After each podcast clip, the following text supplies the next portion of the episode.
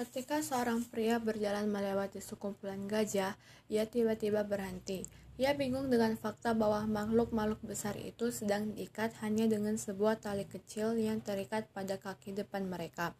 Tidak ada rantai, tidak ada kandang. Jelas sekali bahwa gajah bisa melepaskan diri dari ikatan mereka kapan saja.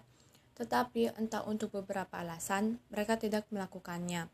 Dia melihat seorang pelatih di dekatnya dan bertanya kepada pelatih tersebut, "Mengapa hewan-hewan itu hanya berdiri di sana dan tidak berusaha untuk melarikan diri?"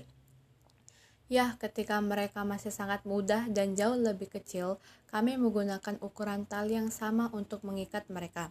Dan pada usia tersebut, tali itu sudah cukup untuk menahan mereka. Saat mereka tumbuh dewasa, mereka dikondisikan untuk percaya bahwa mereka tidak dapat melepaskan diri.